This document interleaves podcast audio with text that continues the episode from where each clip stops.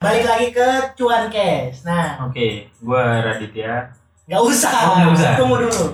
Biasanya kita nggak intro ya. Kali ini kita Tapi intro kita lagi. intro lagi. Karena Terus spesial. spesial kita kedatangan orang yang spesial juga. Mm-mm. Jadi eh, sangat-sangat spesial Oke. karena dia adalah salah satu trader Mm-mm. yang sangat berpengalaman di Hmm. pasar bola Indonesia dan salah satu eh, Kebetulan mahasiswa juga ya? ma- masih mahasiswa Masih betul. mahasiswa. Ya kepada Ah. Mas Raditya Rifki dipersilakan. Bukan. Bukan dong. Enggak salah Oke. dong. Ini ada kebetulan ya, Mas- kebetulan saya tinggal di Canggu jadi. Oke. Oke, Ini ada eh, Mas Duta Silom Seven. Iya, halo Mas. Duta.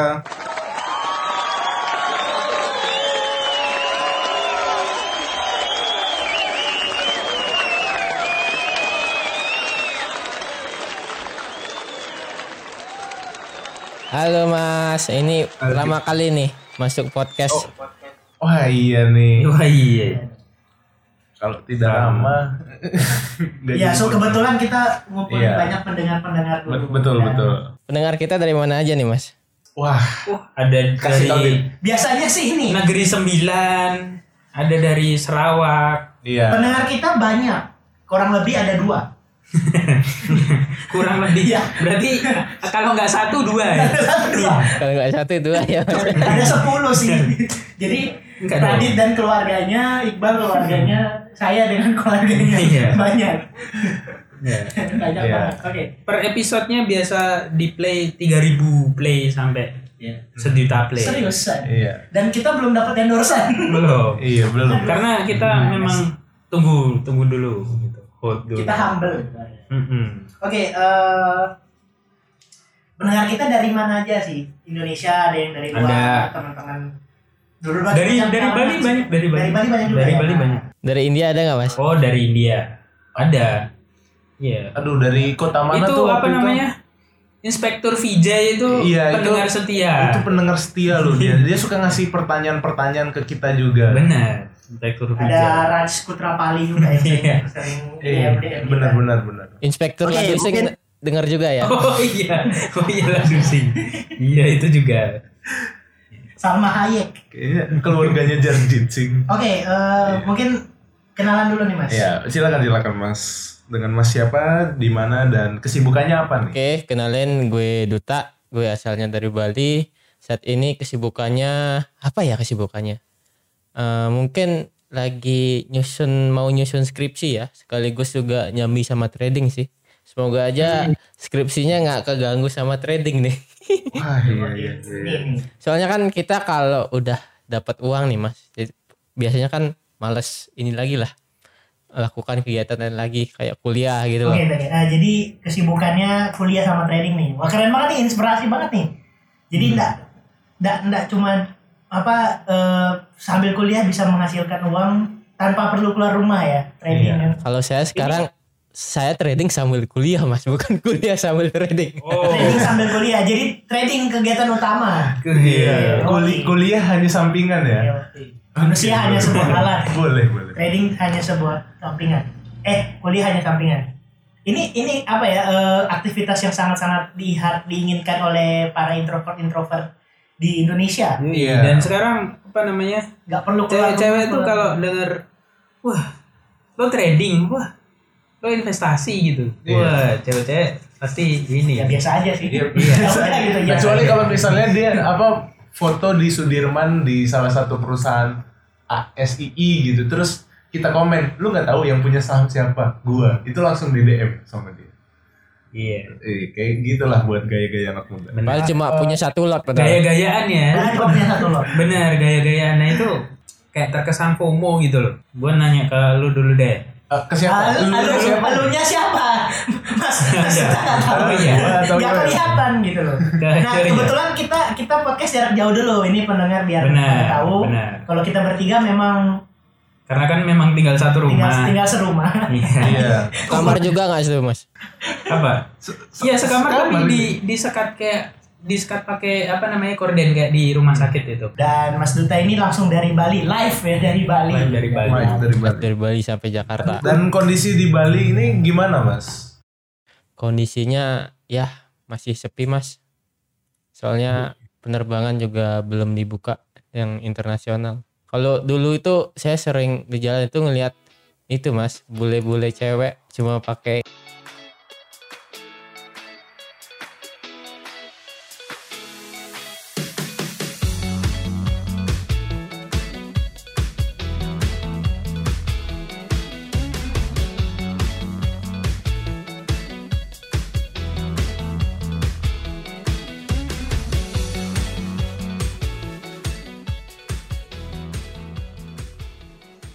sekarang udah jarang mas ngeliat kayak gitu mas. Kayaknya kita tahun baru kayaknya ada ini ya rencana pengen Enggak sekarang kembali. aja dia sekarang. Gue sekarang lagi sepi. Mumpung lagi sepi. Lagi sepi nih mas. Kita ke Eh apa tadi? Balik FOMO. lagi. Itu tadi kan gue nanya. eh, s- sekarang tuh investasi saham banyak ini ya. eh, ada yang terkesan FOMO gitu lah, kayak ikut-ikutan gitu loh. Wah, temen gue investasi gitu. Itu sebenarnya bagus. Bagus. Itu bagus. Tapi FOMO nih dalam artian FOMO dari dia ketinggalan. Jadi Hmm. eh, lo udah ngincer ngincer gitu tuh, Mhm, tapi lo ketinggalan. Lo ngincer, lo ngincer doang sampai di ngincer doang nggak lo beli. Tiba-tiba dia naik jauh. Akhirnya baru lo beli. lo baru pengen beli kayak ah, ah astaga gue kalau bisa muter waktu gue pengen muter jadi lo tak- jadi lo ketinggalan dan lo Gue sebenarnya- pengen hmm. ngikut atau misalkan atau lo ini eh, tapi ketika lo ikut udah ketinggian harganya Mhm, mhm. atau lo takut malah naik naik makin tinggi akhirnya lo masuk ke kondisi FOMO Benar. Dan gue pernah ngalamin itu ya. Ini ini jujur. Hmm. Gue sendiri pun pernah begitu. oh iya sebut dong emitennya sebut Bener. Apa nih, Mas?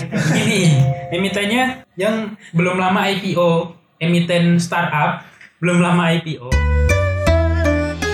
Bukalapak emang cincai Harga santai kagak lebay Oh, itu kan- ya Wah kayaknya aku tahu itu mas. Kayaknya juga Benar, itu Warna merah ya mas. warna warna merah benar.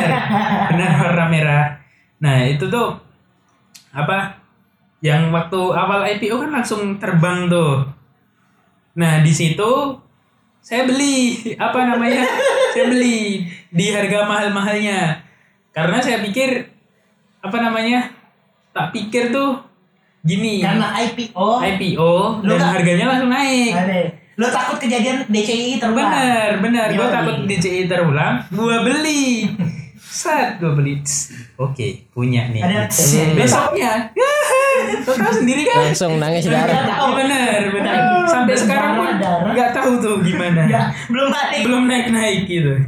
Waktu itu gue bilang kan, gue gua nanti aja deh belinya kalau udah harganya udah 800-an. Bener. Iya, Dan sekarang iya. sampai segitu harganya. Lo masa lo beli di 900. Bener. Memang, memang. Saya Nah, itu itu adalah saya juga Itu pernah FOMO, FOMO, mas. FOMO. Apalagi waktu itu emiten apa ya? Pokoknya lagi banyak dipom-pom sama ini sih. Influencer influencer saham. saham. Terus Oh, oke. besoknya itu ARB mas. Aku belum cut mas waktu itu.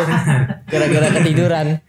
Nah, ya Setelah ampun. itu waduh. aku tunggu sampai ARB-nya kebuka itu lama banget mas. Jadi aku selama hampir hampir seminggu kali ya itu di bawah ARB Iya. berjilid-jilid mas. Tidurku nggak tenang gara-gara FOMO ini. iya. Benar. Jadi kan ARB terus Hmm. begitu dibuka lo apa mau masuk jual tapi nggak nggak ke nggak nggak kejual karena ARB lagi. Bener. Karena ARB lagi dan itu sampai seminggu. Wah, itu nggak tenang sih dan Nyesek banget sih itu mas. sama dan gue juga pernah di posisi seperti itu Nah. kalau lagi daily trading beli saham eh gue lupa emitennya apa sama jadi beli terus dia ARB nah itu udah susah tuh kalau udah ARB tuh udah susah keluarnya karena Nah. istilahnya kalau kita nggak goreng gorengan udah Hmm. gosong terus terlambat dikeluarin Oh iya. kena berjilid-jilid ya itu mungkin kalau udah terjebak begitu sambil sedikit ada berdoa sih semoga tiba-tiba ada keajaiban bandar masuk buat Ada- dorong ada kita bisa keluar gitu Ada lah ya. mukjizat. nah itu dia nah Oke. berhubung Mas Duta ini salah satu trader yang profesional apa profesional sangat berpengalaman dan eh bersertifikasi ya Iya, sudah Betul. gelarnya. ada gelarnya Betul. gelar Betul. Apa eh FSA ya? FSA. Lu apa, Bang? Eh, gua FSA. oh, Kalau gua depannya ya. Depannya. Depannya itu, Mas. Iya. Depannya. Almarhum. Iya, iya. Enggak, tapi kalau Boleh, Bang. Iqbal di belakang. Orang lain di depan. Muhammad Iqbal Dia di pernah ngaji ALM. Sebenarnya yang almarhum tuh gelar-gelar ya bukan Oh, iya. orangnya. Kebetulan Jadi kalau gua Oke. gelar gua RTX sih. Waduh. RTX 3090 Mas. RTX 3090 Ti Super. Eh, lu katanya ini deh, gelar lu ini ya, apa? INDF ya? Iya, ICBP sih. ICBP. Kan Jadi, Indomie. Iya. Wah, Oke, itu jadi- parah juga itu nih, Mas. Menemani Radit saat-saat tanggal tua sih. Yo. Produknya sih, produknya jahat banget. Produknya sih. ya. Produknya tuh jahat banget kalau hujan. Nah, ini nih. tuh ada Ini nih telur, hujan ada ini nih. nih kayak gini nih. ya. Iya. Produknya jahat sih, asli jahat banget. Jahat. Menggoda. Maksudnya dalam artian karena harus harus bikin gitu. Oke, jadi eh, nah ini Mas Duta kita pengen minta dong tipsnya buat teman-teman yang para pendengar yang udah banyak juga yang DM kita ya. Benar, banyak. dari banyak lah dari Nanti kita ajak Mas Duta juga di episode Q&A. Ya oke, pintar juga. Oke, jadi eh, banyak juga yang DM kita ada sekitar tiga ya. Tiga orang. ribu. Tiga orang. Tiga ribu. Iya, Tiga orang. Tiga Iya. orang. Siapa tuh, Tiga Mas? orang. Yang satu sih nanya Iqbal kenapa nggak pulang-pulang? Mungkin mamanya. Oke, jadi pertanyaan gimana sih caranya kita menghadapi kondisi FOMO ini? FOMO. Ada tips-tipsnya nggak atau Hmm, gimana atau sih? gimana sih cara mengendalikan hati kita, Hmm. mengendalikan psikologi kita supaya Nggak nggak FOMO? eh, benar. Nggak FOMO. Sebenarnya itu itu yang paling susah, Mas. Gimana kita ngatur psikologi? Karena Nah, tunggu, jujur Mas. aja. Nah itu, ya gimana, Mas? Kena, kenapa kita kenapa kita undang Mas Nuta? Karena ini susah. Benar. Jadi kita undang Mas Nuta. Oke, lanjut. karena karena kita nggak tahu ngejawabnya nggak juga tahu gimana. gimana. Jadi Mas Nuta, kita kasih ke yang ahli aja. Oke. Iya, betul. Oke, jadi gini. eh, kenapa sih eh, ngatur psikologi susah sama gimana sih caranya biar nggak FOMO?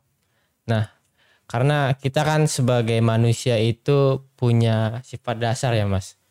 Kita itu kan biasa greedy atau rakus nih, Mas. Greedy benar. Greedy, iya, benar. Iya, biasa. Rakus. Kita udah punya penghasilan satu juta, mintanya 5 juta. Udah dapat 5 juta, kita pengennya 10 juta. Udah dapat 10 juta, minta 100 juta. Itu sifat Hmm. alami banget itu dari manusia. Iya. Pertama jalan kaki, Tidak pernah pengen punya sepeda.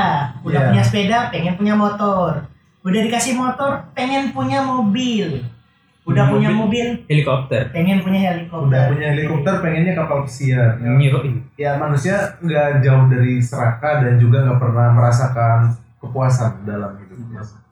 Oke, jadi kalau sepengalamanku ya, gimana sih caranya ngatur emosi? Itu kita sih bergantung dengan sifat sehari-hari kita juga sih, Mas. Karena kan kalau kita trading nih, tapi kita pada hari itu juga bad mood, itu juga akan berdampak berdampak sama psikologi trading kita juga. Kita malah bisa biasanya kalau udah emosi itu nalar udah nggak jalan lagi trading, Mas. Mau sehebat apa pun ininya taktiknya tapi kalau udah nalar itu udah nggak jalan. Wah ini mau sejelek apa pun sahamnya pengen beli nih. Walaupun jelek ah ini ke gue kayaknya bisa cuan nih. Karena dari emosi itu kita harus mengontrol biar nggak FOMO. Oke, berarti mood berpengaruh penting banget ya. Jadi Secara semisal benar. psikologi juga. Nah, jadi kalau semisal lo moodnya lagi nggak bagus, nih Goodman atau kita moodnya lagi nggak bagus gitu, kita bisa beli good mood, minum good mood. Oh ini kok jadi Iya. Jadi kalau buat mood mau ini kita beli dana ini. ini ini contoh, ini contoh ya. Contoh. Contoh. dan beriklan seperti itu bentuknya. Seperti ini bentuknya. Dan itu bisa berlaku untuk teh botol sosro, Bisa. pucuk harum, Bisa, semuanya apa pun. Sokalin pun bisa kita mas. Teh, teh apa yang dari Solo itu? Apa? Oh teh nyapu. Teh nyapu itu bisa juga. Sama.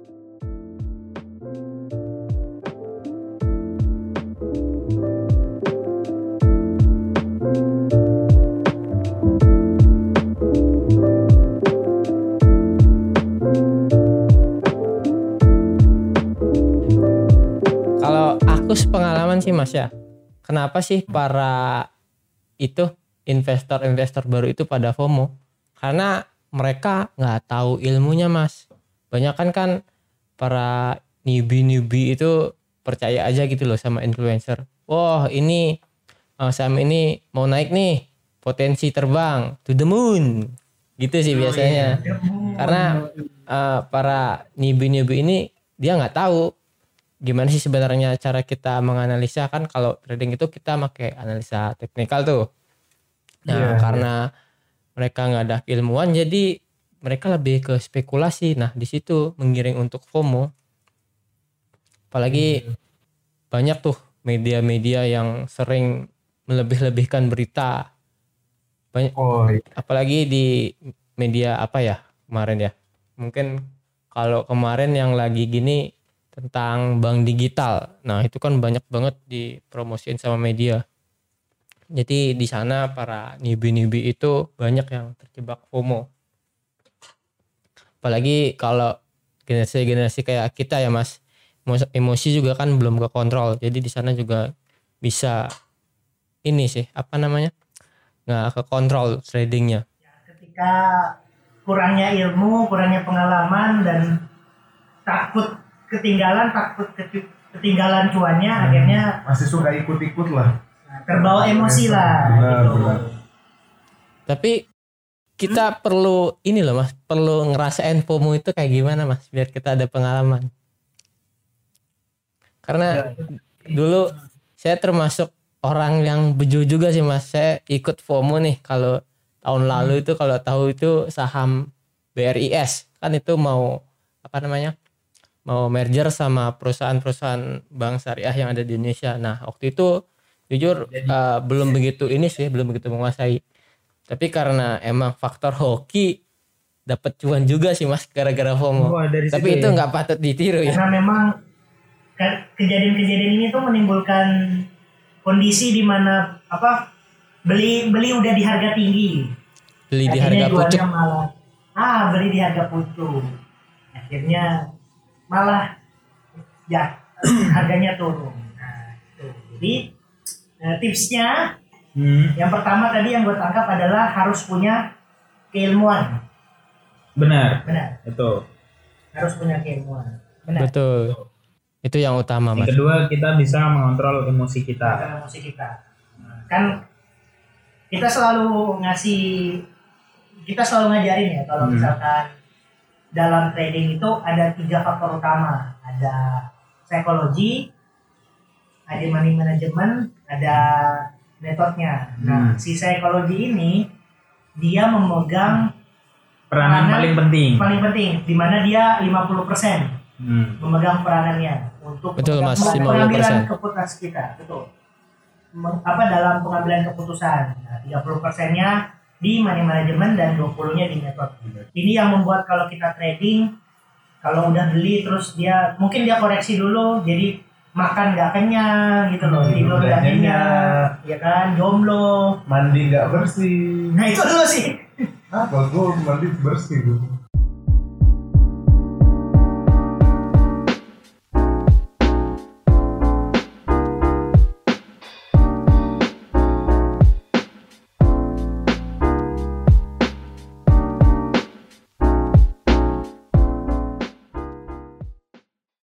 Tapi lo dulu waktu mau lo siapa gini tapi kalian kalian nih kalian gue Oke, tanya oke. kalian ya jadi Ya. kan Kita. bisa semuanya Hmm.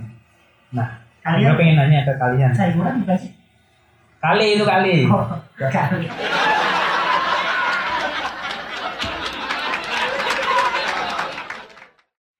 Nah, itu kalian dulu waktu eh, masuk ke dunia investasi saham ini, itu karena apa?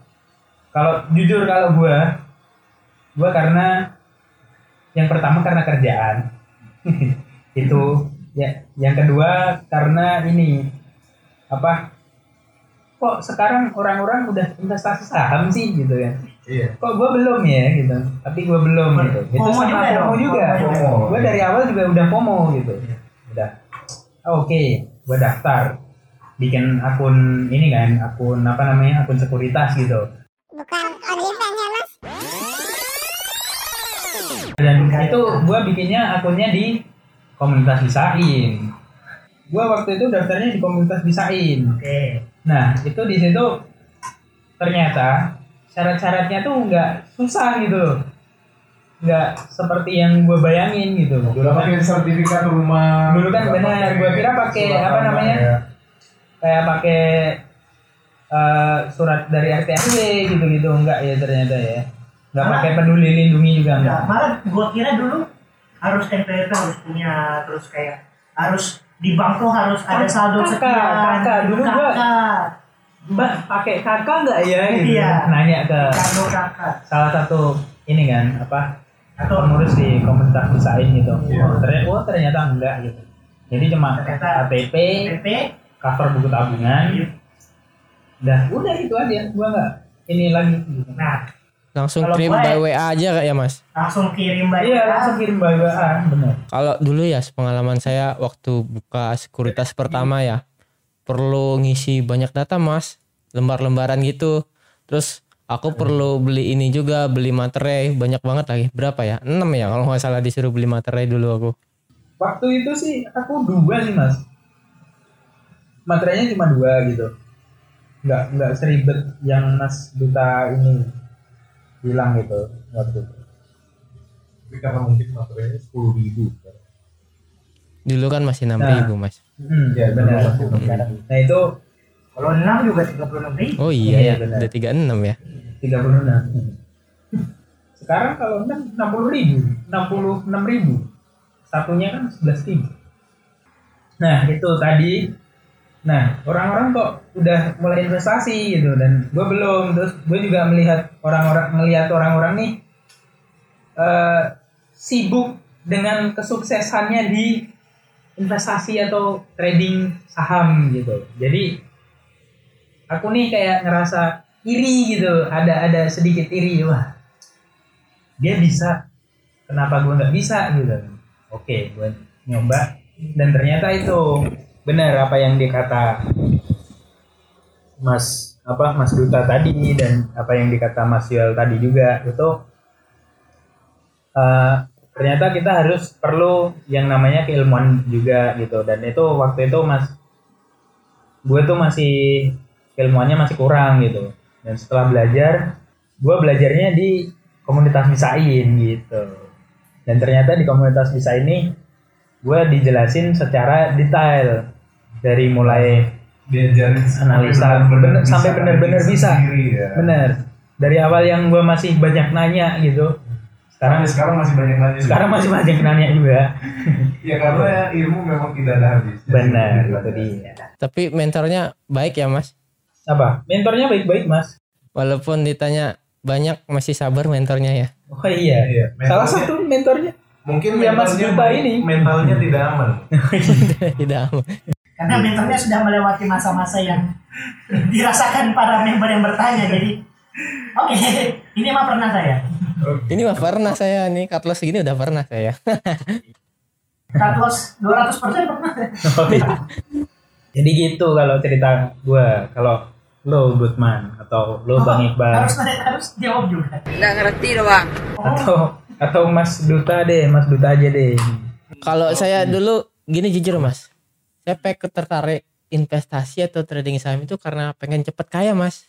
Karena kan banyak kan orang awam kan mikir wah ini trader nih pasti kaya nih banyak duitnya. Saya juga ikut ikutan mikir gitu mas. Tapi setelah terjun itu ternyata susah juga mas kayanya. tapi untuk jadi kaya bisa. Tapi harus Bisa. butuh waktu. Kalau untuk cepet but- butuh proses ya Mas ya. Seperti yang sering saya sebutkan Iya. di kelas dosa Iya, iya. Iya kan? Iya. Cepet kaya. Cepet kaya, eh, kaya sih bisa. Bisa. Tapi butuh Kalau untuk waktu. cepet butuh waktu. Dan kalau beruntung sih cepet juga bisa ya gitu. Iya. Kalau kepilih saham dan lagi beruntung lagi laki ya. Pinter milih ya. Kayak DCIE ya mas. Iya. Kayak kayak jodoh sih, cocok-cocokan aja. Dari Pengalaman. Lu Yoel ya. Gua tuntutan kerjaan pertama dan gua Sama ya. dan mungkin gua asik aja gitu kenapa apa bisa memprediksi me- memiliki kemampuan untuk membaca chart Oh. Tapi bukan lo Istilahnya dukun digital ya mas. bisa jadi dukun dukun digital. digital gitu kan Iya. Wah nanti hujan. Cocokologi. nanti hujan nih. Ini ini nanti tembus nih. Kan bisa forecast forecast Iya, itu dia, itu dia yang sebenarnya gue pengen tanya juga ke Mas Duta gitu. oke. Gimana sih caranya eh, yang saya sampai sampai sekarang nih saya belum tahu gitu. Caranya kok bisa sih gitu, kok bisa? Kayak yang ahli-ahli gitu tuh bisa tahu gitu. Si saham ini tuh besok mau apa eh, naik gitu terus saham ini bisa besok ah jangan beli ini besok dia mau turun gitu itu kok bisa gitu tuh dari mana mas? Karena memang ada keilmuannya mas. Jadi kalau istilahnya ya, kalau kita trading itu memprediksi harga di masa depan dengan data yang ada di masa lalu. Jadi kalau secara ini ya mas, secara do teori, uh, ini teori ini dikemukakan oleh Charles Hadow, di mana beliau itu bilang history repeat itself Gak bisa bahasa Inggris. di mana sejarah itu berulang. Nah, dari sejarah itu kita bisa analisa nih mas. Nah, kalau di harga sekian bahwa saham ini akan naik. Nah, itu kita bisa prediksi mas. Eh, jadi kalau untuk forecasting itu sebenarnya nggak selalu tepat sih mas, tapi kita sudah memiliki peluang atau apa ya istilahnya kalau kita di Mm. ya, Mas. Mm, Jadi nggak 100% eh, itu eh, apa ya akan terjadi gitu. betul mas Jadi kita, karena kita kayak tiap kondisi itu kayak- memiliki peluang sendiri-sendiri misalkan uh, saham. X nih mau berpeluang 7% 70% akan mengalami kenaikan Hmm. kayak inilah kayak kayak sepak bola gitu dua tim bertemu gitu kan yang satu lebih Oh, kuat gitu oh kayak ini yang Dilihat dari benar. performa pemain-pemainnya. Ini 60 40 ya, gitu. iya. 60%. tapi bukan judi ya mas Ya, bukan judinya kita. Kan hanya Kita prediksi ya. performa eh, setiap tapi memang Iya. istilahnya kalau judi kan istilahnya 50-50 ya mas kalau kita nggak menang ya kalah Nggak ada serinya. kalau di Judi. pasar modal gitu kemungkinan lebih besar kita bermain dengan kemungkinan dan persentase berpeluang yang lebih besar betul tapi sebenarnya nggak akan ada yang tahu sebenarnya hari esok itu Kayak gimana? kayak gimana gitu. hanya bandar yang tahu mas Ya, bandar. Kita hanya sebagai semut kecil harus hanya bisa mengikuti aja sih mas gimana gerakan si bandar ini Kebetulan sih Mas Yuel bandar ya. Mas? apa Eh, diam-diam memantau layar bergerak Iya. meng- menggerakkan harga Oh, ya. tapi itu hanya satu loh Hmm. itu hanya satu ada juga berbagai macam apa, namanya teknik Pertanyaan. Oh, teknik teknik.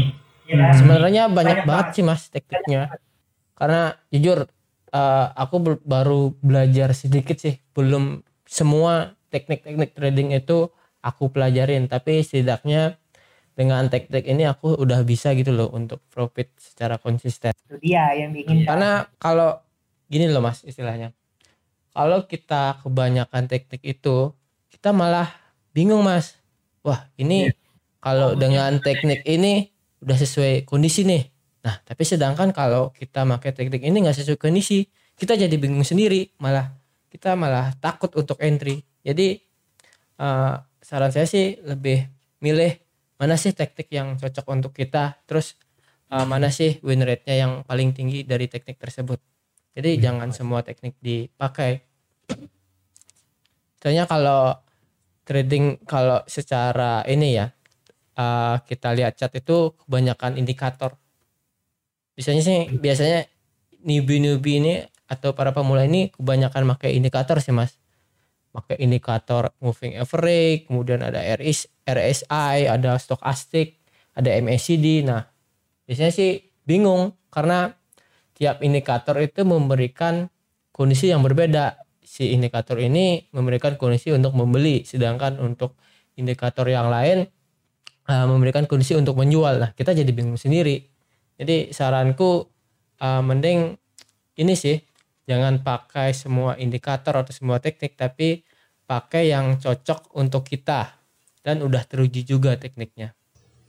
Bisa bisa lo terapi nih, Goodman. yang satu Teknik itu. teknik informatika gua sih kalau gua masih pakai ini Apa? apa support dan resisten Oke. punya titik support dan resisten terus kan bisa lu lihat kan gua sering menggaris Pak. Kira lo pakai kalau- teknik itu tadi. kalau dia tertembus jauh berapa berapa persen itu sudah berarti ada perubahan tren Itu apa namanya? Kalau pakai support resisten aja udah cukup sih sebenarnya Mas untuk trading. Misalkan eh, narik garis support dan resistennya itu udah bener sih Mas. Karena kan kalau support dan resisten itu ada beberapa jenis. Kalau nggak salah yang saya tahu ada tiga jenis sih Mas. Jadi menurut saya sih cukup sih Mas untuk trading itu pakai support dan resisten. ya. Ini coach sama coach dan berbicara. Iya. Kita kita ngegerin kepalanya kepalanya ini Iya. apa berasap ya bang ya? Iya, makanya kita sampai pengen lihat pengen pengen luar kita. Sambil- nunggu mereka berdiskusi. Iya. Iya. ini kalau ngomongin teori agak minder loh. Soalnya kita pakai tekniknya fundamental. Investasi. Iya benar. Gue sih investasi. Gue Oh, berarti lo investasi. apa Gini gini gini. Gue investasi. Ini pengalaman pribadi ya. Gue investasi. Tapi tiap hari gue lihat, gue cek. Si Eh iya. ini turun gitu. investasi Eh tapi ini naik, ore. Beda gitu ya? Iya benar. Investasi kan Tapi panjang. tapi gue nggak nggak jual karena gue niatnya investasi itu tadi. jadi lo ini ya kalau fundamental tuh lo pakai PDV gitu kan PIA Iyalah. SAR, ya kan Iyalah. apa Ya kali enggak. Tapi sebenarnya lebih enak investasi sih mas dibandingkan trading karena Hmm, kalau hmm. investasi itu kita nggak terus menerus kita ngelihat chart sih nggak terus setiap hari benar. analisa karena juga Iya. investasi Tapi itu saya kan ngelihat kita gitu, cuma ngelihat perlu tiap hari. analisa biasanya sih ya enam bulan itu cuma keuangan. sekali atau dua kali lah sekali sih biasanya Oh. Sebulan sekali. laporan buang laporan keuangannya keluar Oke. biasanya kan kalau laporan keuangan itu per kuartal ya per empat bulan Iya. Iya. Jadi dalam setahun itu eh kuartal tiga bulan atau empat bulan tiga bulan ya Kuartal kuar kuar Kuartal empat kuartal bulan. itu empat bulan karena bulan, kuartal empat. bulan. Hmm. Hmm, oh iya, ha, per kuartal berarti. Jadi kita cuma perlu analisa eh, tiga kali aja sih per tahun. Tapi agak pusing juga sih baca laporan keuangan. iya tapi kan kalau dari sekuritas sudah dipermudah kan biasanya Iya mas, dari- betul. kalau dari aplikasi sekuritas Iya. atau dari API gitu gitu udah Iya, sudah disediain. Hmm, jadi kita nggak perlu ngitung lagi PBV-nya berapa, IPS-nya berapa. Gue biasa ngitung sendiri sih. Ya kan, Oh, pakai ya kalian tahu lah. Dulu aku gitu mas waktu ujian mas, Eh, ngitung sendiri mas, pakai kalkulator. Kenapa Jadi agak pusing juga. Iya. Kenapa nggak pakai sempo aja mas? itu kan susah Itu ujiannya eh, pilihan ganda atau esai, Mas? Pilihan ganda mas, tapi ada buat ini juga sih portofolio. CBT apa PBT mas? kata lu CBT mas. Oh CBT, bukan ngebulet-buletin nih PBT. Jadi untuk Raja gimmick. jadi untuk para pendengar eh, kesimpulan dari mat, apa pembicaraan kita tentang FOMO di dalam pasar modal sebenarnya nggak tentunya ada ada dong ada dong eh, ya tentunya eh, solusinya kalian harus eh, memiliki keilmuannya, strateginya dan juga Banyak bersyukur mas, Nah itu dia. agar bisa sabar. banyak Benar. ya banyak bersyukur dan juga harus pinter ngontrol emosinya sendiri. iya benar Hmm. banget Benar banget. Ini ini lebih eh, ya ke anak-anak muda sih yang apa emosinya masih susah dikontrol, masih labil. Benar. Nah, kalau kalian pengen kemampuan. pengen belajar itu, pengen belajar itu bisa ke komunitas bisain. betul. Nan- Nanti di situ ada mentornya, salah satunya Mas Duta ini. gitu. Iya. benar. Jadi Mas Duta ini salah satu mentor atau coach di komunitas bintang saham Indonesia yang Betul. tentunya sudah ada gelar ya. Jadi kalian tidak perlu takut eh, apa ya kalau Mas Duta ini tidak berpengalaman. Justru Mas Duta ini sudah sangat-sangat berpengalaman. kalau kalau di dunia komputer itu kan kalau GPU apa kan RTX on. Nah, Iya. Kalau Mas Duta RSA on. Wah, RSA on. RSA on. Jadi gelarnya udah ini ya, sudah Hmm. terpakai. Ya. Jadi tunggu apa lagi untuk pen- para pendengar langsung saja jika kalian ingin bergabung di komunitas Misain hubungi di hotline-hotline kami. Datang aja di udah atau Instagram bisa aja. follow Instagram kami di cuantalks.official